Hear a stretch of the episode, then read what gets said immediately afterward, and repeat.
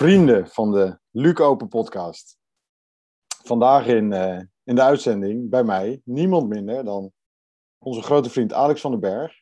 Op een nieuwe computer, live vanuit Groningen. En uh, ja, jullie hebben hier natuurlijk ongelooflijk lang naar uitgekeken. Ik ook. Uh, het heeft wat langer geduurd. Het zal door corona uh, gekomen zijn. Het is door iets anders gekomen. Maar vandaag is de dag van Milan Sanremo. En jullie kennen dat allemaal als La Primavera, het begin van de lente. En wat is er nou mooier dan de Luc Open podcast uh, ook een soort begin van de lente aan te kondigen. Met morgen de Lente Cup die gaat starten. Om eens even flink en stevig onze vriend Alex van den Berg aan de tand te voelen. En dan moet ik één ding zeggen voordat we echt gaan starten en Alex het woord gaan geven. Op verzoek van Alex is deze uitzending volledig non-scripted. Dus we hebben geen script, geen vragen. Het is spontaan en uh, ik vind het doodeng. Want uh, nu moet ik zelf misschien ook uh, in één keer onvoorbereid allemaal dingen gaan zeggen. Maar daar komen we vast doorheen al, denk ik. Goedemorgen. Ja, dat denk ik ook. Ja. ja. Hoe gaat het? Komt helemaal goed. Ja, en de Chif is ook weer in het, in het land gesignaleerd. Hè? Dus oh. dat is echt wel een natuurlijk begin van de lente. Dat doet mij denken, want jij bent volgens mij echt een kenner aan ehm, die Luc Open in Ierland. Toen het zo vreselijk begon te stormen. En wij ook echt ook troosteloos in de troostfinale stonden. En jij Ja. hebt hol 10 ook in één keer... Nou, waar je met je gedachten was, weet ik niet. Maar het was met, bij een heel bijzonder vogeltje volgens mij. eh. Hij was geen birdie. Het was geen birdie. Ach man. Nee. Nee, dat klopt. Dat klopt. Hey, en Bernd, we hebben ook afgesproken natuurlijk dat, ehm, dat deze podcast eh, niet alleen maar ehm, vragen van jou naar mij zullen zijn, maar dat we eigenlijk ook wel een beetje als gast Ben Knuvers hebben. Ja. Ja, nou ja, goed. Het was, ik moest een paar concessies doen om jou überhaupt voor de microfoon te krijgen. Dus eh, ik ben hier maar mee Ja. akkoord gegaan. Maar niet van harte. Ja, dus, dus ik, ik wou eigenlijk meteen met een vraag beginnen, ook hangende aan de actualiteit van deze week. Ja. Ik heb deze week Volt gestemd. Wat heb jij gestemd? Ehm, eh, ook een pro-Europese partij, maar zoals je mij kent, ehm, eh, ja, ga ik toch ook wel iets meer voor, de, ja, voor grootte en macht. En eh, dus eh, die andere winnaar van de verkiezingen, die mocht op mijn stem rekenen.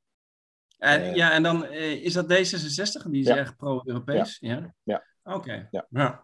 Ja. Ja. En- maar je stelt de vraag niet voor niets, dus je hebt er misschien vooraf, had je daar een bepaald beeld bij of een bepaalde gedachte bij? Of? Nou, ik vind het wel interessant als iemand uitlegt waar, op welke partij die stemt. En waarom die dat doet, inderdaad. Ja. Ehm, D66 is een beetje mainstream. Ik zou er ook op gestemd kunnen hebben, want het is natuurlijk de onderwijspartij bij uitstek. Ja, ja. Ehm, jij noemt ook automatisch pro-Europees. Maar wat is de reden dat jij op D66 hebt gestemd? Nou, ik ben ook al, eh, eh, al, al lang lid van D66. Eh, dus dan heb je eigenlijk bijna wel een soort van loyaliteits eh, ehm, dingetje, waardoor je automatisch daar sneller naar kijkt, denk ik. Ik moet zeggen dat ik het gezond vind als er wat meer eh, stevige vrouwen in de politiek eh, zitten. Dus er is ook wel een eh, bepaald Sigrid Kaag-effect geweest, wat deze stem Ja. beïnvloed heeft. Ik vind dat zij zich vrij kranig weert en ook stevig opstelt. Dus dat spreekt me aan.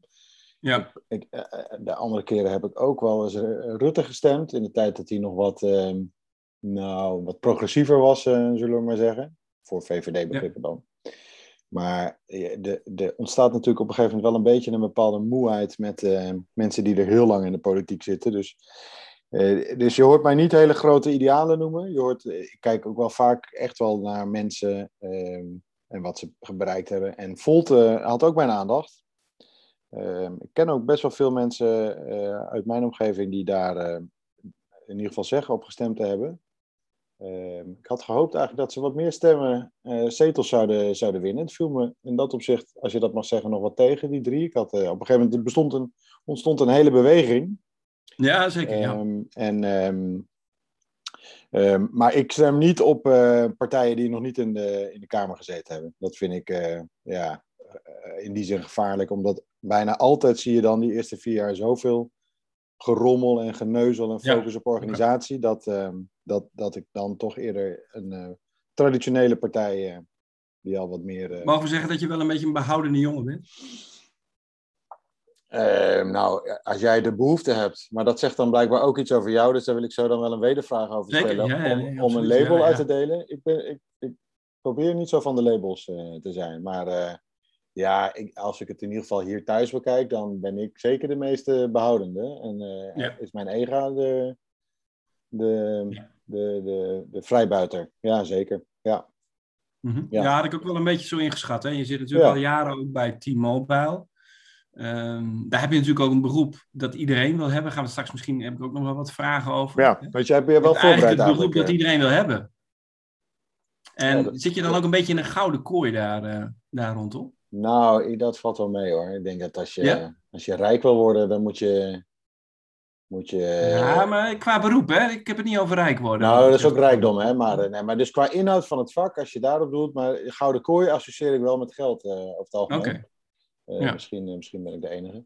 Maar nee, als je rijk wil worden, wilde ik zeggen, dan moet je of met Barbara trouwen of moet je ehm, ondernemer worden. En het ook Ja. goed doen. Dat is ook nog niet zo makkelijk. Ja, Maar, nou, ja Arnoud heeft het ook een beetje. Oeh, hij glitcht. Hij glitcht. Hij glitcht even. Jaarlijks ook aandelen en zo is het directeur daar. Dus ja, Ja. dan is het wel erg moeilijk Nou, om ergens... Maar het is voor mij niet, ik, ik, ik ga hem ook niet in de verdediging laten drukken. T-Mobile is gewoon echt een superleuk eh, bedrijf. Oh ja. En ehm, Ja. ehm, de, eh, weet je, eh, sowieso mijn vakgebied, telecom, heel veel mensen zeggen, ja, maar wat gebeurt er nou in telecom? Maar het hele bedrijf is zo ongelooflijk getransformeerd in twintig jaar tijd. Ehm, ik heb net een opdracht gehad waarbij we het bedrijf Simpel eh, hebben overgenomen. Dan mocht ik eh, de integratie eh, coördineren. Ja, Ah. hoe vaak krijg je nou een kans om dat te doen? Ja. Vijf jaar geleden werd ik gevraagd om eh, retail formule management te gaan doen. In één keer moet je dan een winkelketen, nou niet zozeer aansturen, ik ga niet over personeel, maar wel waar we zitten, hoe de winkel eruit ziet, wat we daar willen verkopen. Ja, Ja, precies. ja, hoeveel kansen krijg je nou in je leven om dat dan te doen? Dus als ik nu zou, als ik nu ergens zou solliciteren, zou ik misschien op een retailrol kunnen solliciteren. Maar zonder deze ervaring totaal niet. Dus dat speelt, eh, dat speelt mee. Het is een Europese rol. Eh, jij doelt denk ik ook op het vele golven wat ik eh in tijd Ja, van de dat is natuurlijk, doen. ja, dat heeft wel een beetje... Ja. Nou, wel- bloed wil ik niet zeggen in de groep gezet. Maar ja, wij, wij, wij kijken wel een beetje met afgunst naar jou, Bernd. Als je weer een of ander appje stuurt. Dat je op een of andere Ja. Europese golfbaan staat, eh, staat te ballen. Hey, maar is dan jouw advies, want ik bedoel, afgunsten, dat, dat, dat zou, eh, ja, dat is toch wel een, een stevige reactie, maar zou dan jouw advies aan, aan mij zijn om dat minder te doen? In ieder geval, ik blijf wel golven. Nee, nee, nee, nee zeker Nee. niet. Nee, Nee. ik denk dat het wel oprecht is. En ik vind het ook wel goed om mensen een beetje te prikkelen. Dus ik hou daar Ja. eigenlijk ook wel van. Ik vind het wel Ja. een leuke Ja. eh, insteek die jij daarin kiest. Ja. Nee, kijk, ik probeer een beetje duidelijkheid te scheppen. Want wat wel altijd een, een, een beetje een punt is. Iedereen zegt altijd tegen mij, ja, die Ben die heeft een leuke baan. Maar wat die nou precies doet, dat Ja. weten we eigenlijk niet. En daar heb je net even een tipje van opgelicht. Namelijk door eh, die retailkant. En ook dat, dat Bel Simpel, wat iedereen natuurlijk... Ja, Bel eh, Simpel zit in Groningen. Hè? Simpel, eh, Simpel is een operator met 1 miljoen klanten. Bel Simpel zit, in, zit bij Oh. jullie en die verkopen vooral mobiele telefoons. Waar het zoveel Oh, ja, uit, goed dat je het even... Ja. even, ja, dan zit Maar je wilde wel. ergens naartoe? Nou, Wat doet kijk, hij nou dat geeft wel een beetje een Ja. inkijk in wat Ja. jij aan het doen bent. Hè? Ja. En eh, dat we dan misschien maar eens in de groep ervan af moeten. Ja, die band, ja, wat doet hij nou eigenlijk? Hij is een beetje Ja. aan het golven. Hè? Dat, dat is hierbij een Ja. beetje opgelost. Ja, weet je, ik, waar ik zelf, maar dat is, dat is misschien ook een karaktereigenschap. Ik vind praten over werk, vind ik echt, zeker in de privé-tijd, Ja. vind ik echt Ja. verschrikkelijk saai. Ja, Eh, nee, dat, heb je, dat er merk ik ook aan jou. Want Ja. als we dat wel een beetje met speldenprikjes hebben geprobeerd, dan komt Ja. er weinig uit. Maar kijk, dit is niet... Ja, ja, dan ben je toch een beetje terughoudend daarin. Ehm, dus dat hebben we wel goed gezien. Maar ehm, oh, door het te Jij hebben kijkt op over een blaadje, heb ik het idee. Wat zei je? Jij kijkt op een blaadje, heb ik het idee. Heb jij wel... Nee, nee, nee, nee, nee, oh. nee, niks ervan. Nee, nee, nee, nee. Ik keek even naar beneden. Ja, oké. Nee, nee, nee, nee, nee. Ehm, maar door het te hebben over dit soort zaken, hebben we het niet over de dagelijkse gang van zaken in het werk, Nee. wat eh, Nee. redelijk saai kan, eh, kan zijn. Ja. Ehm, maar hebben we wel over wat jou drijft in, ehm, in, in je baan. En, en, Ja. en dat vind ik wel aardig om te horen. Ja, ja, dat zie je. Dat, dat, dat doe je dan weer goed, Alex. En als ik dat dan ook zo mag zeggen, dan, ehm, dan dat kenniscafé, dat heeft jou ook wel het nodige gebracht, volgens mij. Hè? Die uitlaatklep, zoals dit ook een uitlaatklep is voor jou, om even die frivoliteit, maar ook die scherpzinnigheid, die, die, die kleine steekjes onder water, zoals je dat zo graag mag doen, om dat Ja. een klein beetje, beetje aan te wakkeren. Zie ik dat... nou, ja, eh, dus misschien, daarin lijken we wel een beetje op elkaar, Bernd. Hè? Want dat geneuzel over werk, over dagelijks gang van zaken, dat ben ik ook. Een beetje klaar mee. Dus ik probeer af en toe een beetje er doorheen te prikken en mensen op scherp te zetten. ehm, als je daarop doet. Het rare is wel dat ik werk wel vrij belangrijk vind, zeg maar. Maar daarover praten en, over, en de gewicht erover doen, of, eh, dat vind, daar heb ik altijd Ja. vrij veel moeite mee. Dus mensen, dus, ja, eh, eh, volgens mij, ik, er komt niemand in mij op binnen Luc Open groep die dat heel erg doet. Want anders dan zou ik eh, misschien iemand tegen de schenen schoppen. Dat zou ik overigens met liefde gedaan hebben. Maar, Ja, zeker. ja. ehm, maar dus daar heb Ik je... heb trouwens nog steeds last van mijn teen. Met Ja, dat voetbalwedstrijd. Die jongen, echt een, een eikel is het. Ja, maar Luc Ja, maar goed. ging, die ging daar ook... Ja, Er waren twee mensen, nou eigenlijk wel meer, die daar echt heel raar gedrag eh vertoonden in één keer. Luc viel wel mee, want eh, goed, ik durf wel te zeggen dat, eh, dat ik dat van Luc verwacht had. En jij kent hem nog veel langer dan ik, dus die deed eigenlijk precies wat je van hem verwacht had. ja. Maar ook zo'n Gertjan van der Meulen die in één keer, en, of Anne Lont, weet je. Ja, ja bij, bij Anne... En Gert-Jan van der Meulen, wat, dat vind ik ook een interessant personage om soort, te eh, hebben. een soort, soort druistige hengst eh, door, de, door, door die, die, die molshopen daar in Nijmegen. Dat, Ja, ja Gert-Jan zit natuurlijk nog op voetbal. Hè? Hij speelt Ja. het 7 tegen 7. Dat zie je dan ook Ja. even naar boven komen. Dat heb je met Luc ook. En Gert-Jan heeft natuurlijk altijd een beetje een terughoudende Ja, eh, attitude. En nou, dan wat dat vind ik onze opstelling eigenlijk leuker. Want wij, weet je, wij delen Ja. wel plaagstootjes uit, maar wij kunnen ook incasseren. En Ja, vind ik ook. Ja. Gert-Jan vind ik wel altijd, hij, hij, maar hij probeert altijd A, in één keer een knock-out uit te delen. ja, Maar als hij dat dan niet redt, hij is, niet, hij is ook niet heel sterk, dus vaak lukt het dan niet. En Ja. Grappig valt ook wel mee.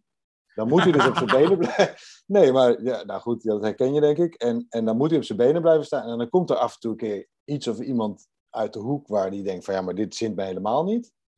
En dan dreig je Ja. meteen met volgend jaar bij de Luke Open. Ik weet niet of ik Ja. er wel bij ben. Het hele ja, ja, super wel- irritant gedrag vind ik maar, dat. maar ook ja. als een soort van kleine jongen die. eh, Ja. ik, zou, ik zou wel eens. Maar goed, die, die mogelijkheden bestaan niet.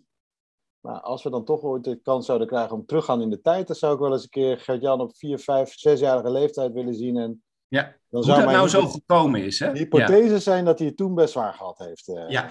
Ja. Aan, aan de andere kant, Bernd, jij praat nu een beetje laatdunkend over Gert-Jan, maar het Ja. is ook wel jouw favorietje. Want hij heeft maar- af en toe opmerkingen en dan zie ik jou glunderen. Zeker. En ja, jij bent ook een beetje layback, hè? Je bent ook een beetje terughoudend soms in je emoties, vind ik. Maar, maar dan zie ik wel even de echte Bernd naar voren komen met die grinnik van jou. Maar kijk, ik ben wel van de school. Hè. Je ziet mij ook wel plaagstootjes naar Luc eh, uitdelen. Maar dat doe Zeker, ik wel ja. eh, eh, omdat je dan ook daarmee. Ja, met, met plagen vraag je ook vaak weer wat aandacht. Hè. Dat is, bij de meisjes werkte dat ook altijd goed. Ja, ja zeker. Ja, ja. Nou, ja, Ja. We hate the one we love, hè? Ehm, Ja. ja. dat is Ja. hier ook een beetje zo. Ja, maar om dan nu te zeggen dat Gert-Jan echt een prima jongen is en dat ik hem heel. Weet je, dat heb jij net al gezegd, maar dat doe ik dan nu niet. eh. Dat doe ik dan Nee, nee, nee, nee, maar daar, leid ik ook iets uit af. Ja. Ja. Ja, ja, precies. Zeg, dat kenniscafé van jou, die had je gisteravond, had je dat eh, volgens mij, hè? Was het gisteravond? Ja, nee, eh, donderdagavond. donder- donderdagavond. donder- Wat stond er op het menu? Op, op het menu stond de toekomst van het onderwijs. Ik had ehm, eh, drie wetenschappelijke ehm, medewerkers van de Universiteit en Hans Hogeschool. Die, Ja. één hoogleraar onderwijsgeschiedenis, één hoogleraar onderwijs innovatie.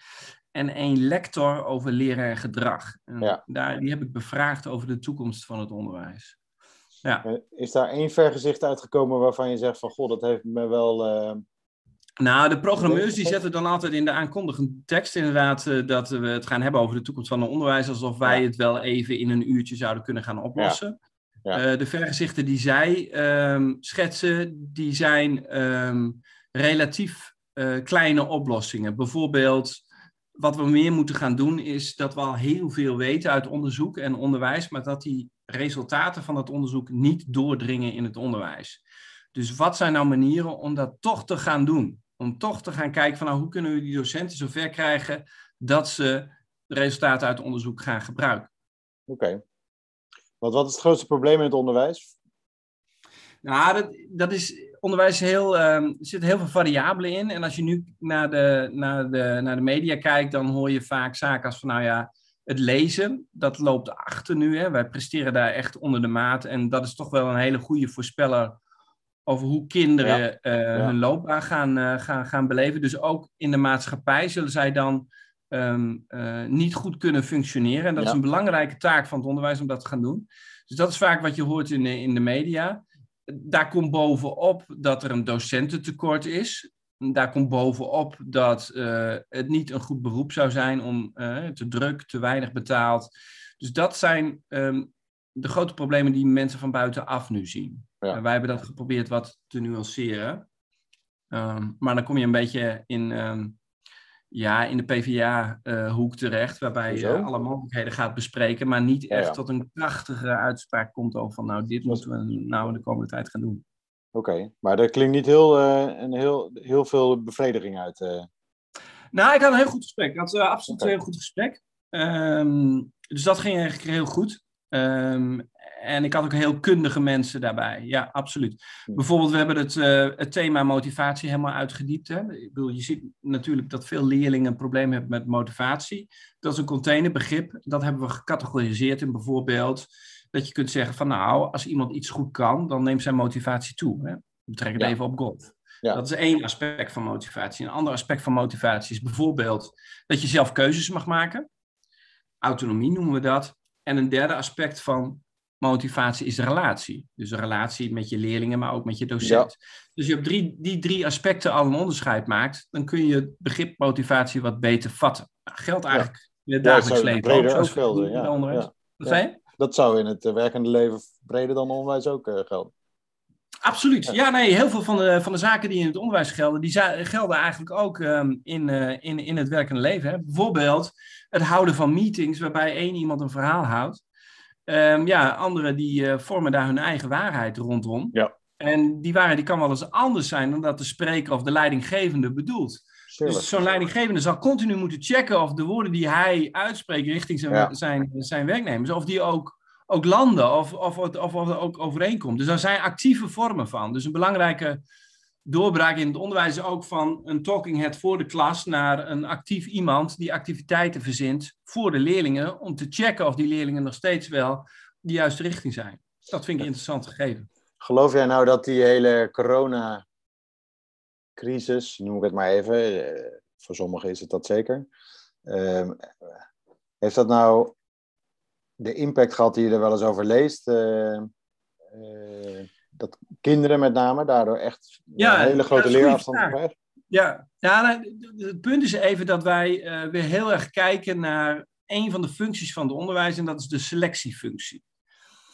En het zou best kunnen zijn dat leerlingen, en ik denk dat dat zeker zo is, dat merk ik ook bij mijn eigen leerlingen, onderzoeken wijzen dat het ook uit, dat eh, leerlingen minder leren eh, eh, voor zo'n camera en doordat ze minder les hebben. Ja, wij, wij relateren dat allemaal aan die selectiefunctie. En er zijn ook wel berekeningen geweest wat het de samenleving in euro's gaat kosten als, men, als, als leerlingen Ja, zo gaan achterlopen. dat loopt dan in de miljarden en daar schrikken Ja. wij van. Ja. Je kan ook zeggen van, eh, ja, laten we die selectiefunctie even op een lager pitje zetten. En kijken wat die leerlingen nu daadwerkelijk kunnen. En er zijn ook andere functies, zoals eh, socialisatie bijvoorbeeld. Hè? Ja, die Ja. gaan nu ook achterlopen. Daar maak ik me op zich grotere zorgen om Ja. dan eh, dat de leerlingen ehm, wat achterlopen met het oplossen van een tweedegraads vergelijking. Ik heb het soms wel, wel het idee dat het ook wel heel erg uitvergroot wordt. Maar dat het, ja, ik weet niet. maar de- misschien is het ook heel erg je eigen beeld eh, en je eigen kinderen en de kinderen eromheen. Ja, het, wat, nu bijvoorbeeld ja. vorig jaar is dat dus, eh, die, is, een, is een contingent leerlingen eigenlijk ehm, opgegroeid in de zesde klas of in de vijfde klas met, eh, met corona en dus met afstandsonderwijs. Die, die doen het niet eh, beter of slechter in het Nee. ehm, hoger onderwijs. Daar zijn Nee. volstrekt geen aanwijzingen voor. Nee, dat is dat, eh, ja. Dus, dus wij leren ook in het onderwijs best wel veel dingen aan die leerlingen die ze later eigenlijk, eigenlijk nauwelijks meer nodig hebben. Ja. Lezen is daar overigens geen, ni- ni- niet een onderdeel van. Dat is wel heel belangrijk. Dat. Ja. Nou, dus zo hebben we dat gesprek Ja. eh, eergisteren ook een beetje gehad met Ja. eh, de mensen. En dan zie je dat je toch nuance moet aanbrengen. Ja. Eh, En dat doe jij dan? Ja, Ja. ja nou, ik, ik bevraag ze. Ja. Een beetje op de manier zoals we nu ook praten. Ja. En dan praat ik zelf wat minder. Ja. Dat, ehm, dan gaan we een poging doen om jou ook, want anders heb je donderdag en nu heb je weer zo'n sessie dat je heel weinig eh, praat. Dus we proberen je ook wel een beetje aan het praten te houden natuurlijk. Ja, maar het gaat om ons twee, hè, Bernd? Nee, dat is hè? waar. Dat is waar. al. Dat, maar Ik, ik, bedoel, ik, ik interview jou en jij Ja. interviewt mij. Dus nou, tweegesprek. ik, ik, in de tussentijd ehm, heb ik ook in mijn oortje de, de regisseur. En die zegt dat we echt lekker bezig zijn. Dus in dat opzicht uh, gaan ja, we mooi, goed. mooi. Ja, gaan we goed. Ja.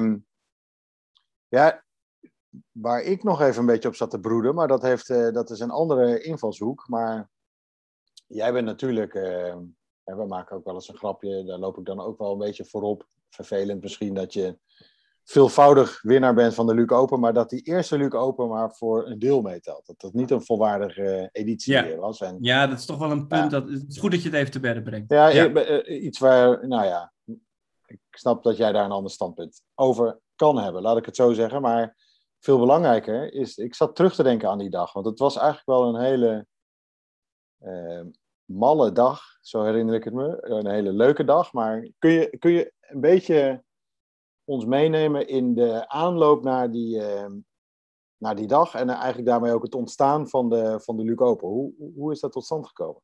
Ja, wij hebben, wij hebben, ehm, eh, we hebben dat bedacht. En eh, we- eh, wij, wij, wij hebben een beetje een traditie, Peter, Luc en ik, om ehm, tijdens elkaars verjaardagen iets te gaan doen. Behalve mijn verjaardag. Dus dat is ook de traditie. Dus, eh, en dat is ook een beetje lastig, omdat die 21 januari is. Dus die valt binnen in de winter en zo. Dus we doen altijd wat tijdens eh, de verjaardag van Peter. Dat is eigenlijk een beetje ook ontstaan door Els.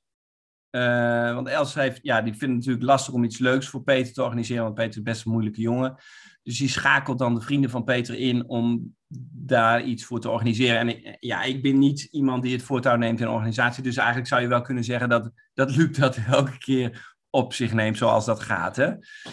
Dus, dat, dus eigenlijk moeten we misschien wel Els zien als eh, een van de founding mothers van de Luc Open.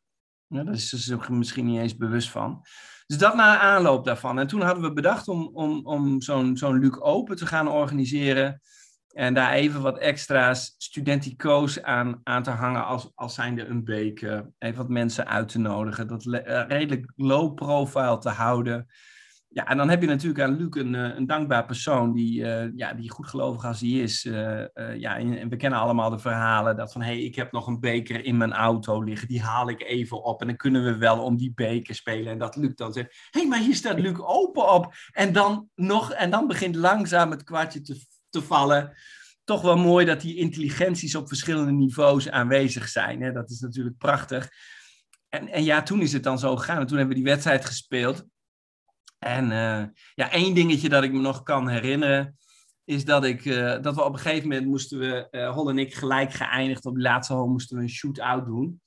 En dat Jan Kins dan zegt, en dat is ook wel typisch Jan Kins, van hé, hey, ja, dit gaat Alex niet redden. Ja. Ja, ja en, en, ja, en dan heb je me wel een beetje. Hè. Ik kan op een gegeven moment, ik bedoel, heb ik ook een beetje van Luc geleerd Dat motiveert je? focus Of, aanbrengen en dan ja. er compleet Ja. voor gaan. Ja. Ook natuurlijk eh, zien dat, dat, dat Peter ehm, mentaal kwetsbaar is. Dat weten we ook allemaal. Was hij dat toen of is hij dat standaard? Dat is hij, dat is hij standaard, ja. Dat is hij Ja. standaard. Dat kunnen we eigenlijk wel zeggen. Eh, ja, ik bedoel, als je, kijk, als je hem in zijn rol laat als prater, dan, dan gaat hij goed presteren. Heeft hij met voetbal ook altijd gedaan. Het is natuurlijk een hele capabele jongen. Ehm, dus eh, dat heeft hij altijd eh, goed kunnen doen. Maar als je hem uit zijn rol haalt als prater, ook met het voetbal, Ja. ja. dan gaat het gewoon slecht met hem. Nou, en dan, dan ja, toen, toen, toen is daar toch wel. Dus, nou, in- dus je kan ook wel spreken dat er wel een, een behoorlijke mentale druk en een behoorlijke druk op ons beiden lag. Waardoor je zou kunnen beredeneren dat die Luc Open overwinning nou niet zomaar iets was. Nee, zeker. Dat is zeker een half punt eh, waard. Ja. Ja. En, maar overigens ook, wat we, waar we het gesprek mee begonnen, is dat als je mensen een beetje prikkelt, ja, dat is toch ook wel een teken Ja. dat je ze er wel een beetje aardig vindt. Dus, dus ga er vooral mee door, Ja. Bert. Nou ja, en dan kijk ik eh, jou een beetje aan, hè? Want ik zie hier ook wel een parallel eh, die we net hadden met eh Gert-Jan, hoe jij over Peter praat. Ja, zeker. Ja, ja, Ja. ja, ja, ja, ja. Ja, nee, ja de, Peter eh, is mij erg dierbaar. En eigenlijk Gert-Jan ook wel. Ja, nee, exact. En toen stond je daar. Luc en- minder overigens, hoor. Luc minder. Nou, Luc is, eh, Luc is een beetje de Haarlemmer olie, plegen we dan hier in de regio eh, graag te zeggen. Dat die alles een beetje bij elkaar houdt. Maar wat hij nou eigenlijk zelf echt bijdraagt, dat is, dat is altijd wel... Eh, hij wil Dat wel graag, maar Ja, nou ja, goed. Laten we het niet te lang over Luc hebben. Toen stond nee, je laten we daar, dat toen kwam inderdaad. Hij, heeft- hij, gelukkig weer een baan, hè? Ja. Dus dat is prima. Komt hij weer een beetje in het normale leven. Ik hoorde dat hij, dat hij na drie minuten in het eerste gesprek dat, hij, dat ze zeiden van stoppen met praten, je mag morgen beginnen. ja. ja, je moet op een gegeven moment wat concessies doen. Hè? Dan, uh, ja, dan Ja. denk je, ja, Maar wat ga gaat ik daar maar op solliciteren. Ik moet hem nog bellen. Wat gaat hij doen? Ja, hij gaat werken voor die organisatie die ehm, eh, die, die aardbevingsschade in kaart brengt en daar uitkering voor doet. En daar hebben ze natuurlijk ook digitaal allerlei dingen Ja. voor nodig. Dus daar gaat hij iets mee doen. Ja. Nou, lijkt me helemaal, helemaal op zijn lijf geschreven. Ja, absoluut. Ja. Ja. Ehm, Jan Kins, die stond daar en die zei: Alex, dit wordt niet jouw dag. Ja, kan even zijn, eh, Jan Kins is altijd vrij precies. Kan ook zijn dat hij dat na, de, na die tijd Ja. zei, van, eh, dat hij dat dacht. Maar dat ik dat dan in Ja. mijn hoofd op dat Ja. moment heb gepositioneerd. Zo Ja. gaat het met, Ja. met het geheugen. Maar dat, dat, ja, dat zijn wel triggers eh, die... Ja. ehm, die, die, eh, En die toen, werken. ja, dat was volgens mij op die 18e hol, of in ieder geval die hol met water. Ja, water. het clubhuis Ja, uitkomt. naar het clubhuis toe. Ja, en dan is het ehm, ja, die, die, eh, die altijd ehm, eh, bepalende eh, dat evenwicht tussen de spanning en de ontspanning. Hè? Ja, Natuurlijk een fantastische sportgolf. Ja. Dat je als je moet gaan presteren gespannen bent. Maar om te kunnen presteren moet je ontspannen zijn. Ja. Ja. Ja, dus eigenlijk ontspanningstechnieken toepassen, maar wel eh, de druk dusdanig opvoeren zodat je je daar prettig bij voelt. En dat is toen gelukt met die afslag.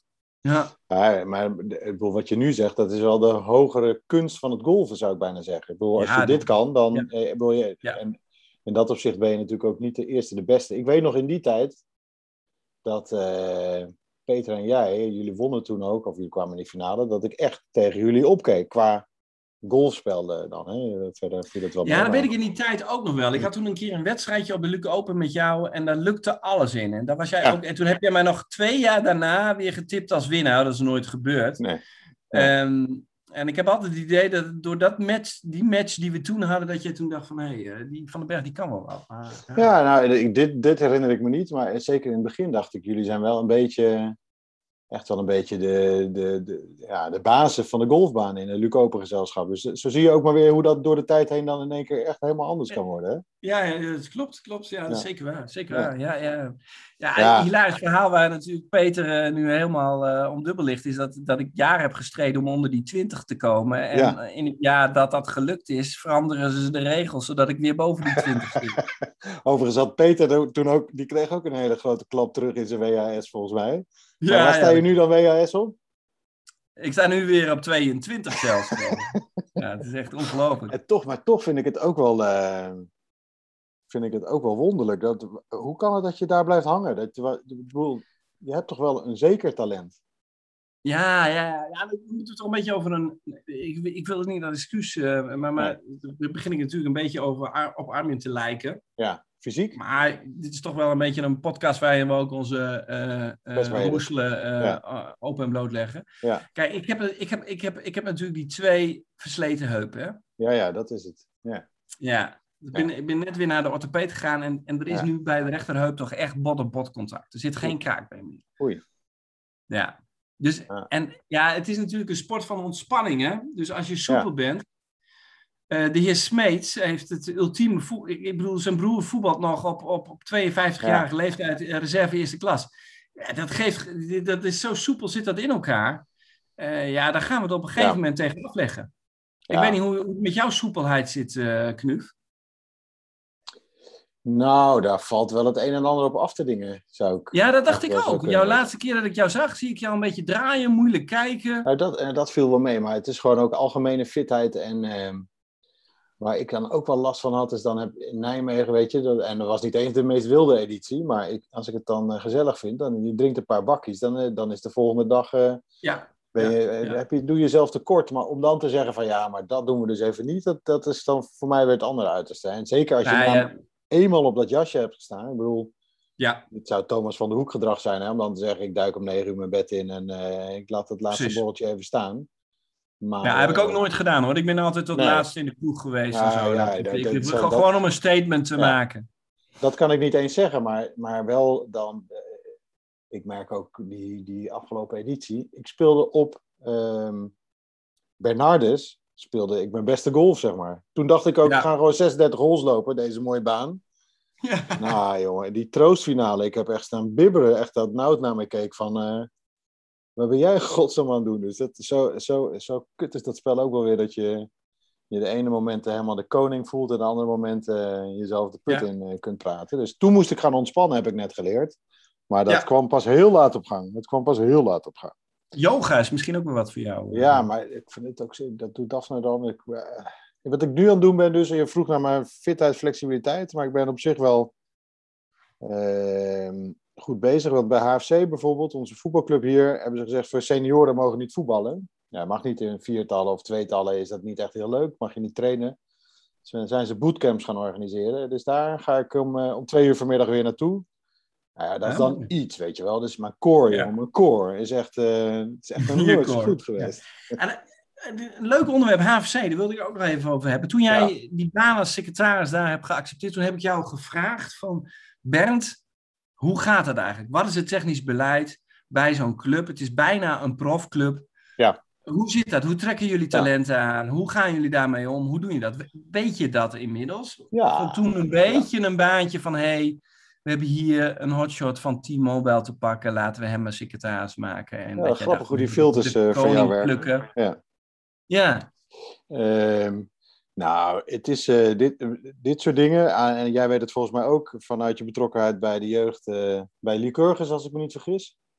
Ja, zeker. En ja, ik, ja. Ik, ik, ja en de technische commissie. Ja, Nee, maar, maar kijk, die, dit is allemaal vrijwilligerswerk. dus de ene week krijg je op je, heugen en, op je heupen en uh, ben je er heel veel tijd mee kwijt. En de andere keer iets minder of schikt het even wat minder. Maar wat ik wel wonderlijk vind, is dat heel veel mensen toch verwachten dat het inderdaad gerund wordt als een, als een bedrijf, een voetbalclub. Ehm, nou, betaal je bij ons wel vrij veel contributie, dus dan zou je dat misschien ook wat sneller mogen verwachten. Maar ehm, er is vaak meer gezeik dan dat het je, dat het je plezier uh, brengt. En dat, nou, dat klinkt heel dramatisch. Ik heb inmiddels daar wel een goede modus in, uh, in gevonden. En dan ga je mm -hmm. gewoon kleine dingetjes aanpassen. Dus ik heb uh, ook voor AFC een podcast opgestart of een, een app in het leven geroepen waar mensen nu dankbaar gebruik van maken. Ehm, zo ben, je, ben ik een beetje de dingen aan het zoeken die, die ik leuk vind. En ook een beetje de organisatie probeer je aan te pakken. Maar hoe ja. werkt zo'n club? Want dat was jouw vraag.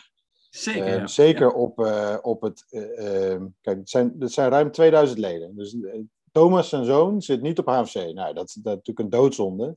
Maar ja. Ik heb niet gevraagd waarom. Hij heeft hij ook helemaal dezelfde vrijheid in om dat te bepalen. Maar sommige mensen vinden dat te groot, weet je. Dat betekent dat de aandacht die er voor onder 10, 12 is, wel anders is dan voor onder, onder 7, 1. en, en ja, misschien begrijpelijk, maar voor sommige mensen is dat toch wel lastig te, te verkroppen. Um, maar amateurvoetbal, en zeker op wat hoger niveau, is gewoon, uh, um, ja, het is gewoon een hele rare wereld, als ik dat zo mag zeggen.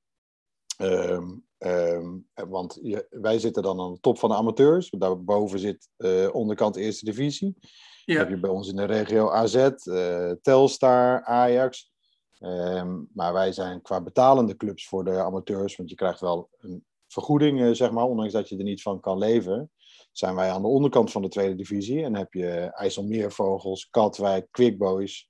Die hebben ja. gewoon aan sponsoringinkomsten, hebben die al iets van 9 ton per jaar. Dus dan kun je spelers uh, ook wat, uh, wat bieden. Dus al heel vroeg in het seizoen zie je dat. Uh, en ik zit dat die de eerste keuze krijgen. Maar hoe overleven jullie dan op dat niveau? Nou, dus voor een heel. Dus even misschien met wat boter op het hoofd.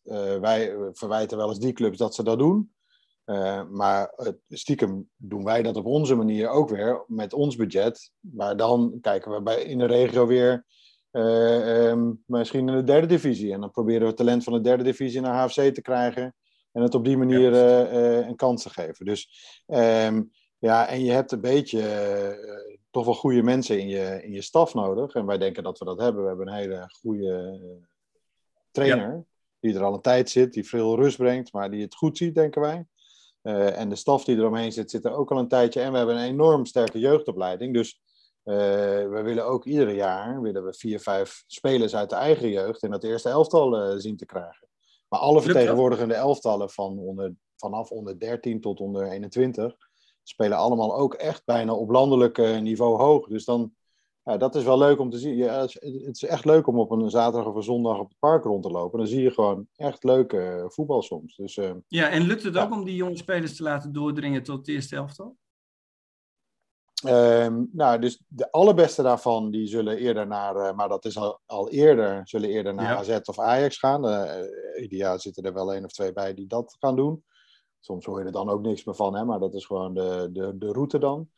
Ja. Ehm, de- maar, maar toch ook wel eh, jongens die dan eh, vanuit eh, onder 17, 18 naar het eerste doorstromen. Dat lukt wel goed, ja. Lukt wel goed. En het grappige is dat ze dan vaak, als ze echt goed zijn, nog twee jaar bij ons zitten. En dan gaan ze toch vaak naar eh IJsselmeervogels. Of bij Telstar zit nu een jongen die eh, twee jaar geleden bij HFC speelde. Ja, en, dan is een, andere factor is dan weer dat je gaat kijken van, joh, hoe, hoe werkt het dan met inkomsten daarbij? Want je moet natuurlijk...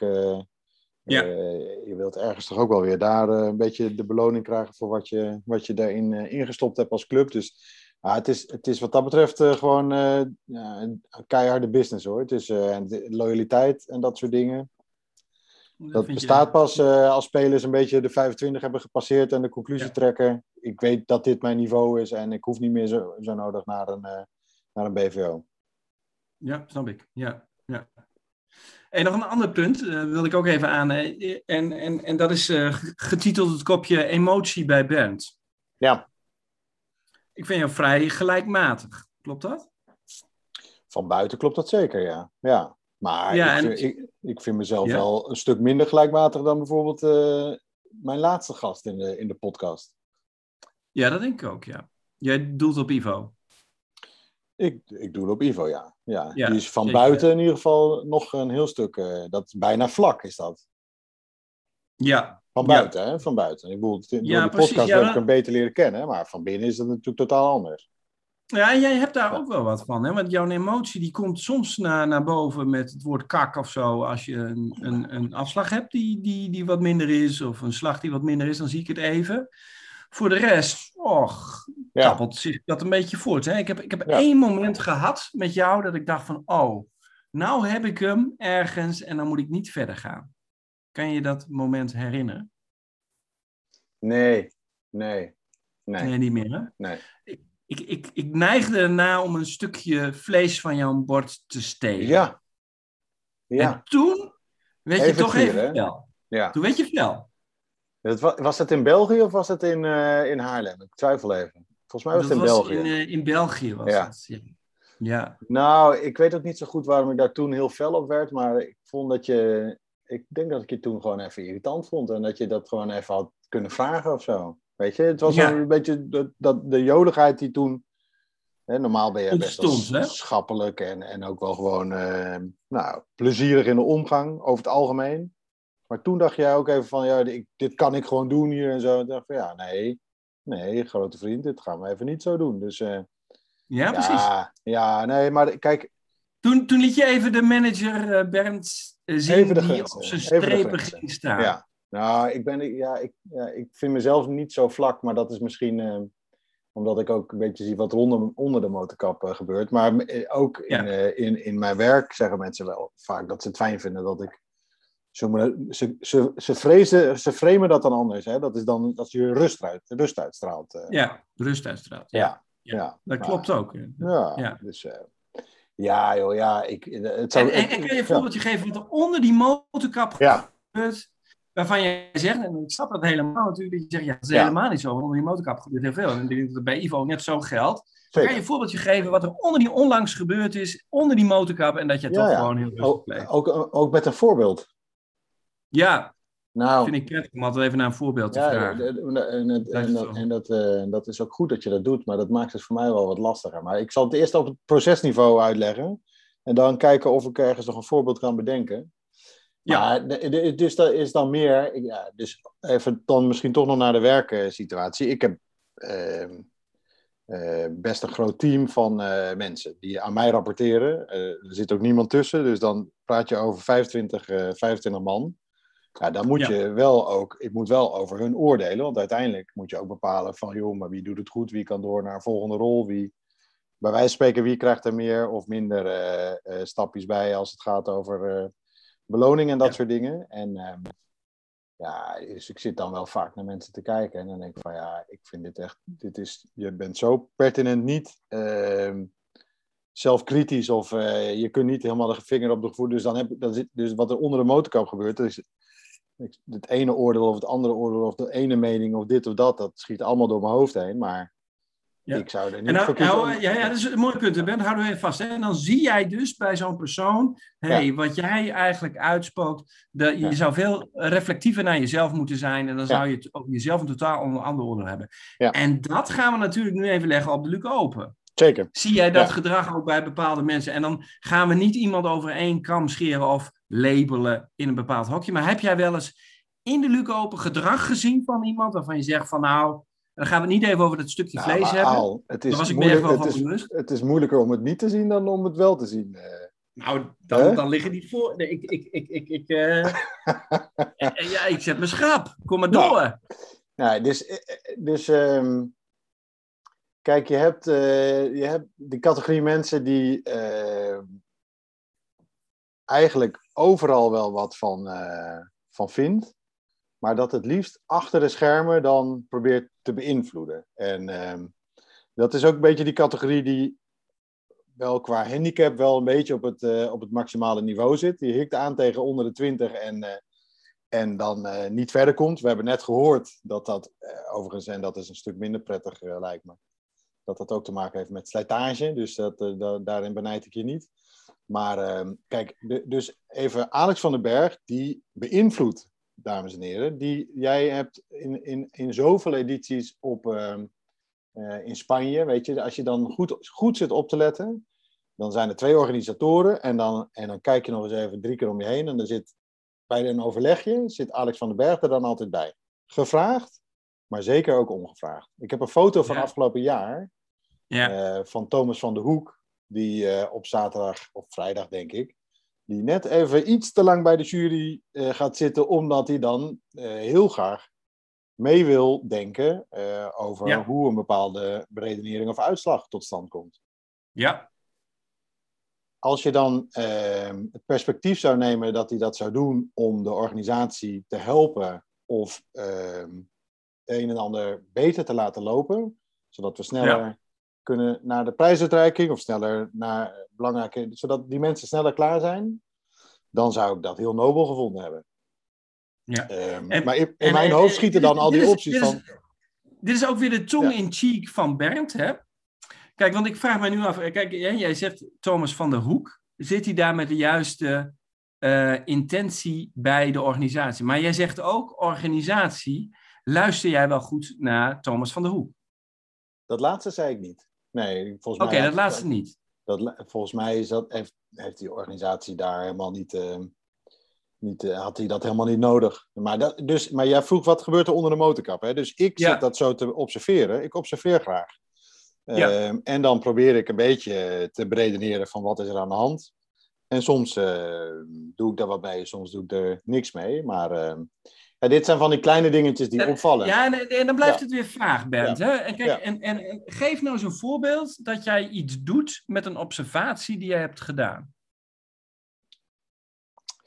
Uh, nou, een ander voorbeeld is, jij noemde straks uh, jouw goede vriend Peter. Nou, ik, ik, zie Peter ook als een vriend, omdat ik uh, uh, hem niet kwalijk neem dat hij bepaalde beperkingen heeft en daar maar op één manier mee om kan gaan. Dus, maar ja. Peter is, kijk, nu is het niet, nu kennen we elkaar al zo lang, maar zeker ook aan het begin Uh, dat, uh, dat ik Peter nog niet zo goed kende, probeerde hij ook tijdens het golfspel wel ook allemaal dingetjes uit. Hè? Door uh, discussie te beginnen tijdens het spel. Of, uh, ja. en, en niet altijd ook met als reden, ik wil het gezellig hebben. Soms ook wel met als reden van, dan maak ik net iets meer kans om te, te winnen.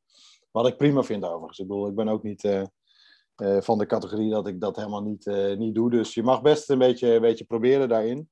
Maar dan moet je, dus ik heb toen wel gezegd, als dat, als dat je hopelijk concreet genoeg is, op een gegeven moment tegen Peter, van ja, nu moet je wel je bek houden.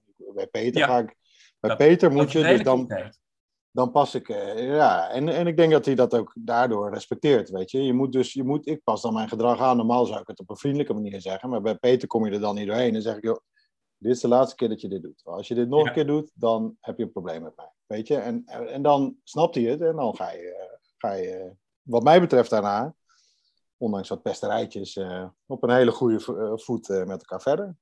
Ja, en er zijn een aantal mensen die we nog niet gehad hebben. En als de manager Bernd nou observerend naar die mensen kijkt, wat zou dan um, in een functioneringsgesprek een thema zijn dat hij zou aansnijden? Hè? Bijvoorbeeld uh, onze giraffen. Ja. In een functioneringsgesprek. Zou, ja, of een, of een coachingsgesprek. Ah, weet je wat wel, weet je, weet je wat wel geldt, uh, Aal? Dat als je, en dat is wel een verschil met het werkende leven. Dan heb je zoveel passanten, zeg maar. En de mensen die zo bij de, bij de Luc Open betrokken zijn, zijn geen, uh, zijn geen passanten meer. Dus je wordt ook misschien wel milder in je oordeel. Of je, wordt, je begrijpt iets meer waar mensen je, vandaan komen. Je begrijpt ze beter, inderdaad. Dat nou, dat, ik, maar, Dus ik ben, uh, wat was het, uh, twee jaar geleden uh, met, met Luc, volgens mij zelfs met Barbara en Daphne erbij, bij Robin te gast geweest, omdat we daar in de buurt waren. En dan leer je iemand ook weer anders kennen. Dus ik, ik, het is makkelijk om over Robin te oordelen, omdat het natuurlijk ook gewoon af en toe een, complete mafklapper is. Maar ehm, ja, ehm, zeker. Ja, om alleen maar daarop in te zoomen. Ja, dat, dat, nee, maar ik, ik, we zijn hier niet om mensen af te vingen. Kijk, het kan ook zijn dat jij inzicht hebt waarvan je juist zegt van... hé hey Robin, ik snap helemaal dat je dit doet. En goed dat je dit doet. Hè? Dat zou ook bijvoorbeeld in zo'n zo'n gesprek naar voren kunnen komen. Hè? Ja, nou, inderdaad, ja. Dat, dat is wel, wel sterk dat je dat opmerkt, want anders krijgt het een beetje een te negatieve eh, lading. Maar nee, maar ik bedoel, wat zo'n Robin, ik moest er net ook aan denken. Dat we, jij noemde dat niet, misschien omdat het voorbeeld te vaak herhaald is, maar uh, Robin was er ook bij bij de eerste Luc Open. Hè? En, en, en, en, en, en, en, we stonden daar op die uh, parkeerplaats. Ik kwam uit Diever. Het was in de tijd dat Luc en Barbara nog de burgers en buitenlui hadden. Ja. Ook een rare, rare van een mooie, moet ik zeggen, mooie stap in hun uh, leven. Als je de, Lucas gewoon dus in de bediening gestaan, best wel lang. Maar dat doet hij toch altijd? Nee, ja, dat is zeker. Maar gewoon dat je iedere dag weer nieuwe gasten moet welkom heten en, uh, ja. en beschuitjes moet smeren voor ze en eitjes moet koken. Ik snap wel dat dat na een jaartje wat, uh, nou, volgens mij heeft het een jaar geduurd, maar dat je dan denkt van, laten we er maar een groepsaccommodatie van maken. Maar dat terzijde. Um, wij kwamen toen uh, uh, vanuit Diever aangereden, het parkeerplaats op. En uh, ja, ik zat in het complot. Ik had niet meegeorganiseerd. Het was jullie gedachtegoed. Het alle credits naar jullie. Maar ik had wel Luc in de auto. Dus we zouden golven. En ik weet niet of we ervan uitgingen of we met z'n twee of met meer mensen gingen golven. Maar we kwamen daar die parkeerplaats op. En daar stond ook, ja, je zult ze niet heel vaak zien, maar een Peugeot op de parkeerplaats. Een. Peugeot. En daar kwam, dus toen wij uitgestapt waren, kwam daar in één keer vriend Robin uh, aanlopen met zijn uh, nou ja, kenmerkende karakteristieke loopje. En dus Luc, precies wat jij net zei van, oh, ik heb nog een beker in de auto liggen, was het toen ook bij Luc van, oh, nou, jeetje zegt, het is wel heel toevallig dat jij hier bent, want het is toch wel echt een heel eind van, waar hij toen ook woonde, de Achterhoek waarschijnlijk, naar ja, Assen. Ja. dat is ook een tyfusend. Um, dus, maar dus wat, ik, wat, wat, uh, wat, wat dat over Robin zegt, denk ik, die is ook wel met een natte vinger te lijmen, denk ik. Die vindt alles mooi. Ja. En uh, die gaat voorop in de strijd uh, als het gaat ja. om feesten. Is er altijd bij. Is er altijd bij. En, Staat gewoon klaar, kunt altijd langskomen, denk ja, ik. Ja, ja. onverstoorbaar nee. in je flight, zelfs op een manier... Kijk, dat is ook wel een theorie voor mij, dat de minst verstoorbare, de meest onverstoorbare, die heeft altijd het voordeel in de flight eh, natuurlijk. Maar Robin, ja. Die, ja. die, laat zich door niks afleiden. Dus je moet je dan nee. wel, ook als het er echt om gaat, echt wel even wapenen van hoe ga ik daarmee om. Eh. Ja. Dus, uh, en, nee, ik ben het daar helemaal mee eens. Ja. Nog, nog een uh, notoire, uh, interessante Luc Openganger. die mij na aan het hart ligt. Ook een vriend van mij is, is Armin Vosselman. Even in, in één zin. Tip voor Armin Vosselman van de manager Ben Knuvers? Ja, dat zou bij Armin zou dat voor mij dan toch zijn dat hij iets vaker zijn schild uh, moet laten zakken. Want het is namelijk echt een ongelooflijk leuke gozer.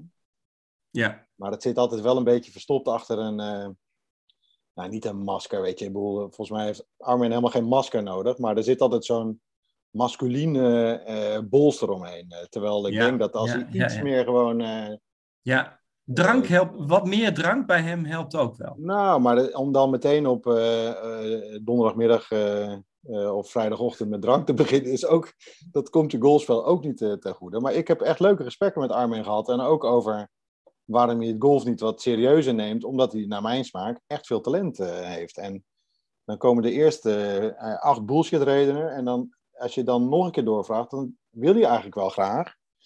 Uh, ja. En dan zijn er andere redenen waarom je het niet doet, die veel plausibeler zijn dan de bullshit redenen, waar dan zeg maar de façade uit opgetrokken wordt. Ja, ik ben en, het volstrekt met je eens hoor. Wat vind jij de reden bij Armin dat hij niet doorzet in dat golven waar hij dan toch zo ontzettend talentvol in is en, en, en, en eigenlijk ook op dat jasje zou moeten staan, zijn naam? Ja, dus dat, voor mij zat daar ook wel een beetje een soort van. Uh, nou, een soort van inzetprobleem. Volgens mij ook wel Ja. fysiek, hè? Dus, maar, eh, Ja, dat ook natuurlijk, hè, dat fysieke ook. Maar los fysiek even speelt, daarvan. maar ik zou zeggen, van, het is ook gewoon een soort van eh, de focus hebben om het te doen. En dan ook zonder allerlei excuses en eh, ditjes en datjes. Ja. Die excuses Ja, we, kunnen wel, we, kunnen, we kunnen wel stellen dat, dat, Ja. dat Armin een focusprobleem heeft. En dat, dat, Ja. dat zal hij ook in zijn werk, heeft hij dat regelmatig meegemaakt natuurlijk. Daar kan je oordelen. wel. Ja. Ja, Ja. ik kan daar niet over oordelen, maar dat, eh, dat zou ik hem niet gunnen. Maar, ja, dus, eh, dus kijk, en misschien is het ook maar beter zo, hè? Eigenlijk. eh, en dat, dus dit is, dit is ook tongue-in-cheek. eh, ik ga het je nu vast vertellen, Al. Je had het toch Ja, dat, uitgehaald. zijn we toch allemaal, Ja. dit zit er toch allemaal een beetje onder, hè? Dus ehm, kijk, uiteindelijk is dit het beste voor iedereen. Want hij vindt het zelf blijkbaar prima dat het zo is. Ja. Niet te hoge verwachtingen, eh, eh, een beetje Ja, oma. er zijn ook en- mensen die zich daar een Ja. beetje aan ergeren bent, hè? Ja, maar, maar, maar, excuses. dus eh, kijk, dat is, dat valt me ook wel op, dat de ergernissen, we moeten oppassen dat de ergernissen in de Luke Open het niet gaan winnen van de waardering voor elkaar, zullen we maar zeggen. Want er zitten natuurlijk wel wat, wat, wat mensen die wat liever met de ergernissen bezig zijn dan met, eh, met de liefde voor elkaar. Zeg maar. En dat, eh, nou, Ja. dat, ik vond dat in Nijmegen soms ook wel dat ik dacht van jongens, geef elkaar een beetje ruimte, weet je wel. Ook al, eh, ook al eh, heeft iedereen zijn eigen ding, maar het wordt soms wel wat scherp. Misschien ook wel gevoed door, door iedereen. Ik zal er zeker ook aan bijdragen, maar nou ja, we zitten toch ook bij elkaar om het, om het plezierig te hebben. Dus ik zou voor, voor Armin zou ik het eigenlijk heel fijn vinden als hij gewoon precies blijft doen wat hij nu doet. Want dan weet je één ding zeker, hij komt nooit op het jasje. Hij blijft zichzelf altijd een beetje klein eh, praten. Eh, er zijn altijd genoeg redenen waarom hij ofwel een deel van de Lucopa ofwel de hele Lucopa aan zich voorbij kan laten gaan. En als hij het goed vindt en wij vinden het goed, ik heb hem er liever bij en ik heb hem liever niet als eh, concurrent voor, eh, voor het jasje. Alhoewel ik daar de laatste jaren echt geen, eh, geen kans op had. Maar ja, dus het kan ook een keuze zijn om het gewoon zo lekker te laten. Ja, ja. Nou, nee. Dat, maar- Bent, ik denk dat we zo langzamerhand moeten afronden. Ja, je hebt helemaal gelijk. Ja, ik hou altijd van een gezette tijd. Ik denk dat we al veel te lang aan het praten zijn. Ja. Wat is jouw voorstelling voor een afrondende vraag? Eh, nou, de vraag die ik sowieso heb, even los van eh, dan of we dat antwoord ook eh, ehm, gaan uitvoeren, is wat moeten we verder met, de met de Luc Open podcast? Heb je een suggestie voor een gast? Heb je een suggestie? Jij wilde dit ongescript? Ja, ik kan dat natuurlijk nooit hardop zeggen, maar dat was best een leuke invalshoek. Het is niet aan mij om daar... ja. Ja. Ja, dus wat, ja, ehm, wat doen we? Wat, wat moet het vervolg zijn? Ja, ja, ja, dat is een goeie. Daar heb ik eigenlijk nog niet over nagedacht. Want, ehm, eh, ehm, ik denk dat je toch ehm, moet gaan kijken naar, eh, naar, naar formats, eh, naar, naar wat andere formats. Dus iets meer voorbereiding, bijvoorbeeld met een foto waarover je kan gaan praten, of, Oh ja. een, of, of een filmpje waar je over je kan gaan praten. Ja. Maar ik denk super grappig. Hè? We hebben natuurlijk weer die mop gezien van, van Arnoud in de, eh, van die Ierse humor in, in, in, in, in onze Ja. appgroep. Daar heb Ja, ik ja, om ja. te lachen. Ja, Maar als je met zoiets zou kunnen, de- het kunnen larderen, dan, dan, dan heeft het Ja. toegevoegde waarde. Maar ja, dat vergt Ja. ook weer een tijdsinvestering van jou. Jij bent heel handig met die dingen. Je hebt ook altijd zo'n appje op je telefoon waarmee je na afloop een compilatie maakt. Ehm, Ja. Voor mijn gevoel Ja. gaat Nee, dat, doe ik, dat doe ik in de late uurtjes eh, trouwens. Dat, dat, Ja, ja. dat zit echt... ja, kwaliteit, je ontkomt er niet aan dat je er tijd in moet stoppen. Nou, eh, maar ehm, ik, heb hier echt, ik heb hier één minuut tijd in gestoken. Want dat was Ja. namelijk het aanmaken van een linkje voor Zoom. En, en oké, Ja, vijf dat- minuten bellen met jou. Van wanneer gaan we afspreken? Ja. Dus dat is Ja. dat. Dus dit is heel free format. Maar ehm, ik geloof zelf wel in dat je een aantal terugkerende eh, elementen erin moet hebben. Ja, misschien ook wel een rubriekje inderdaad. Wie vind je de beste speler of zo? En dat, we, dat Oh, mensen dan dat- even denken van... hé, dat komt erin terug. En ik wil weten of ik nu zelf genoemd word. Hè? Dat is wel leuk, ja. Dat je iemand iets laat zeggen en dat je dan daar de gast mee confronteert, bijvoorbeeld. Van hoe zie jij dit? Of, eh, Ja. Ja. kan- goeie, goeie. Nou. Wil jij nog iets eh, afrondend zeggen? Want eh, we hadden het over HFC, maar de plicht roept. ik moet coachen zometeen. Ja, jij moet coachen. Nee, we, we, we laten het hierbij. Eh, Ja. Moet ik nog iemand uitnodigen voor de volgende keer? Nou, uitnodigen hoeft niet. Je mag wel iemand aandragen. Aandragen, ja. Ja. ja. Ehm, ik denk toch dat... ehm, ja, we hebben, ik denk dat Armin wel een goede is. Om Armin, daar, ja. Ik denk dat je daar wel wat aan hebt. Ik bedoel, ik, zie, eh, ik hoorde jou net zo mooi genuanceerd over praten. En dan heb je ook een logisch vervolg op deze podcast. Kun je eigenlijk beginnen Ja. met het fragment van jezelf, waarin je als eh, even wat commentaar geeft op het, op het gedrag van Armin. Ik Dus denk dat het belangrijk is, want volgens mij luistert Armin nooit een podcast terug. Dus we zullen daar wel, eh, we zullen daar wel op. Maar dan wel, maar dan wel. Ik vond dit, het was, dit is ook, je zou hier een soort van filijnheid in eh, kunnen zien. Maar ik, ik denk dat het, ik vind het wel een goede. Ik ga de uitdaging aan. Dus, Mooi. Al, ik dank jou hartelijk. Ik heb eh, eh, een uurtje heerlijk zitten kletsen met je. Dus eh, laten we volgende week weer afspreken. Maar dan nemen we het niet op. Dan hebben we gewoon zo een beetje Ja, dat is goed. gesprek Ja, van de, zaterdagochtend. dat is Ja. hartstikke leuk. Ga je morgen nog ja, ik, ik heb mijn, mijn, mijn Marieke is een weekendje weg met vriendinnen, dus ik heb geen golfauto. Dus Oh. ik ga niet golven. Nee. Oké, nou, dan, dan, dan denk ik te weten dat ik morgen bij het doorgeven van de tussenstanden in de eerste ronde van de Lentecup boven jou sta.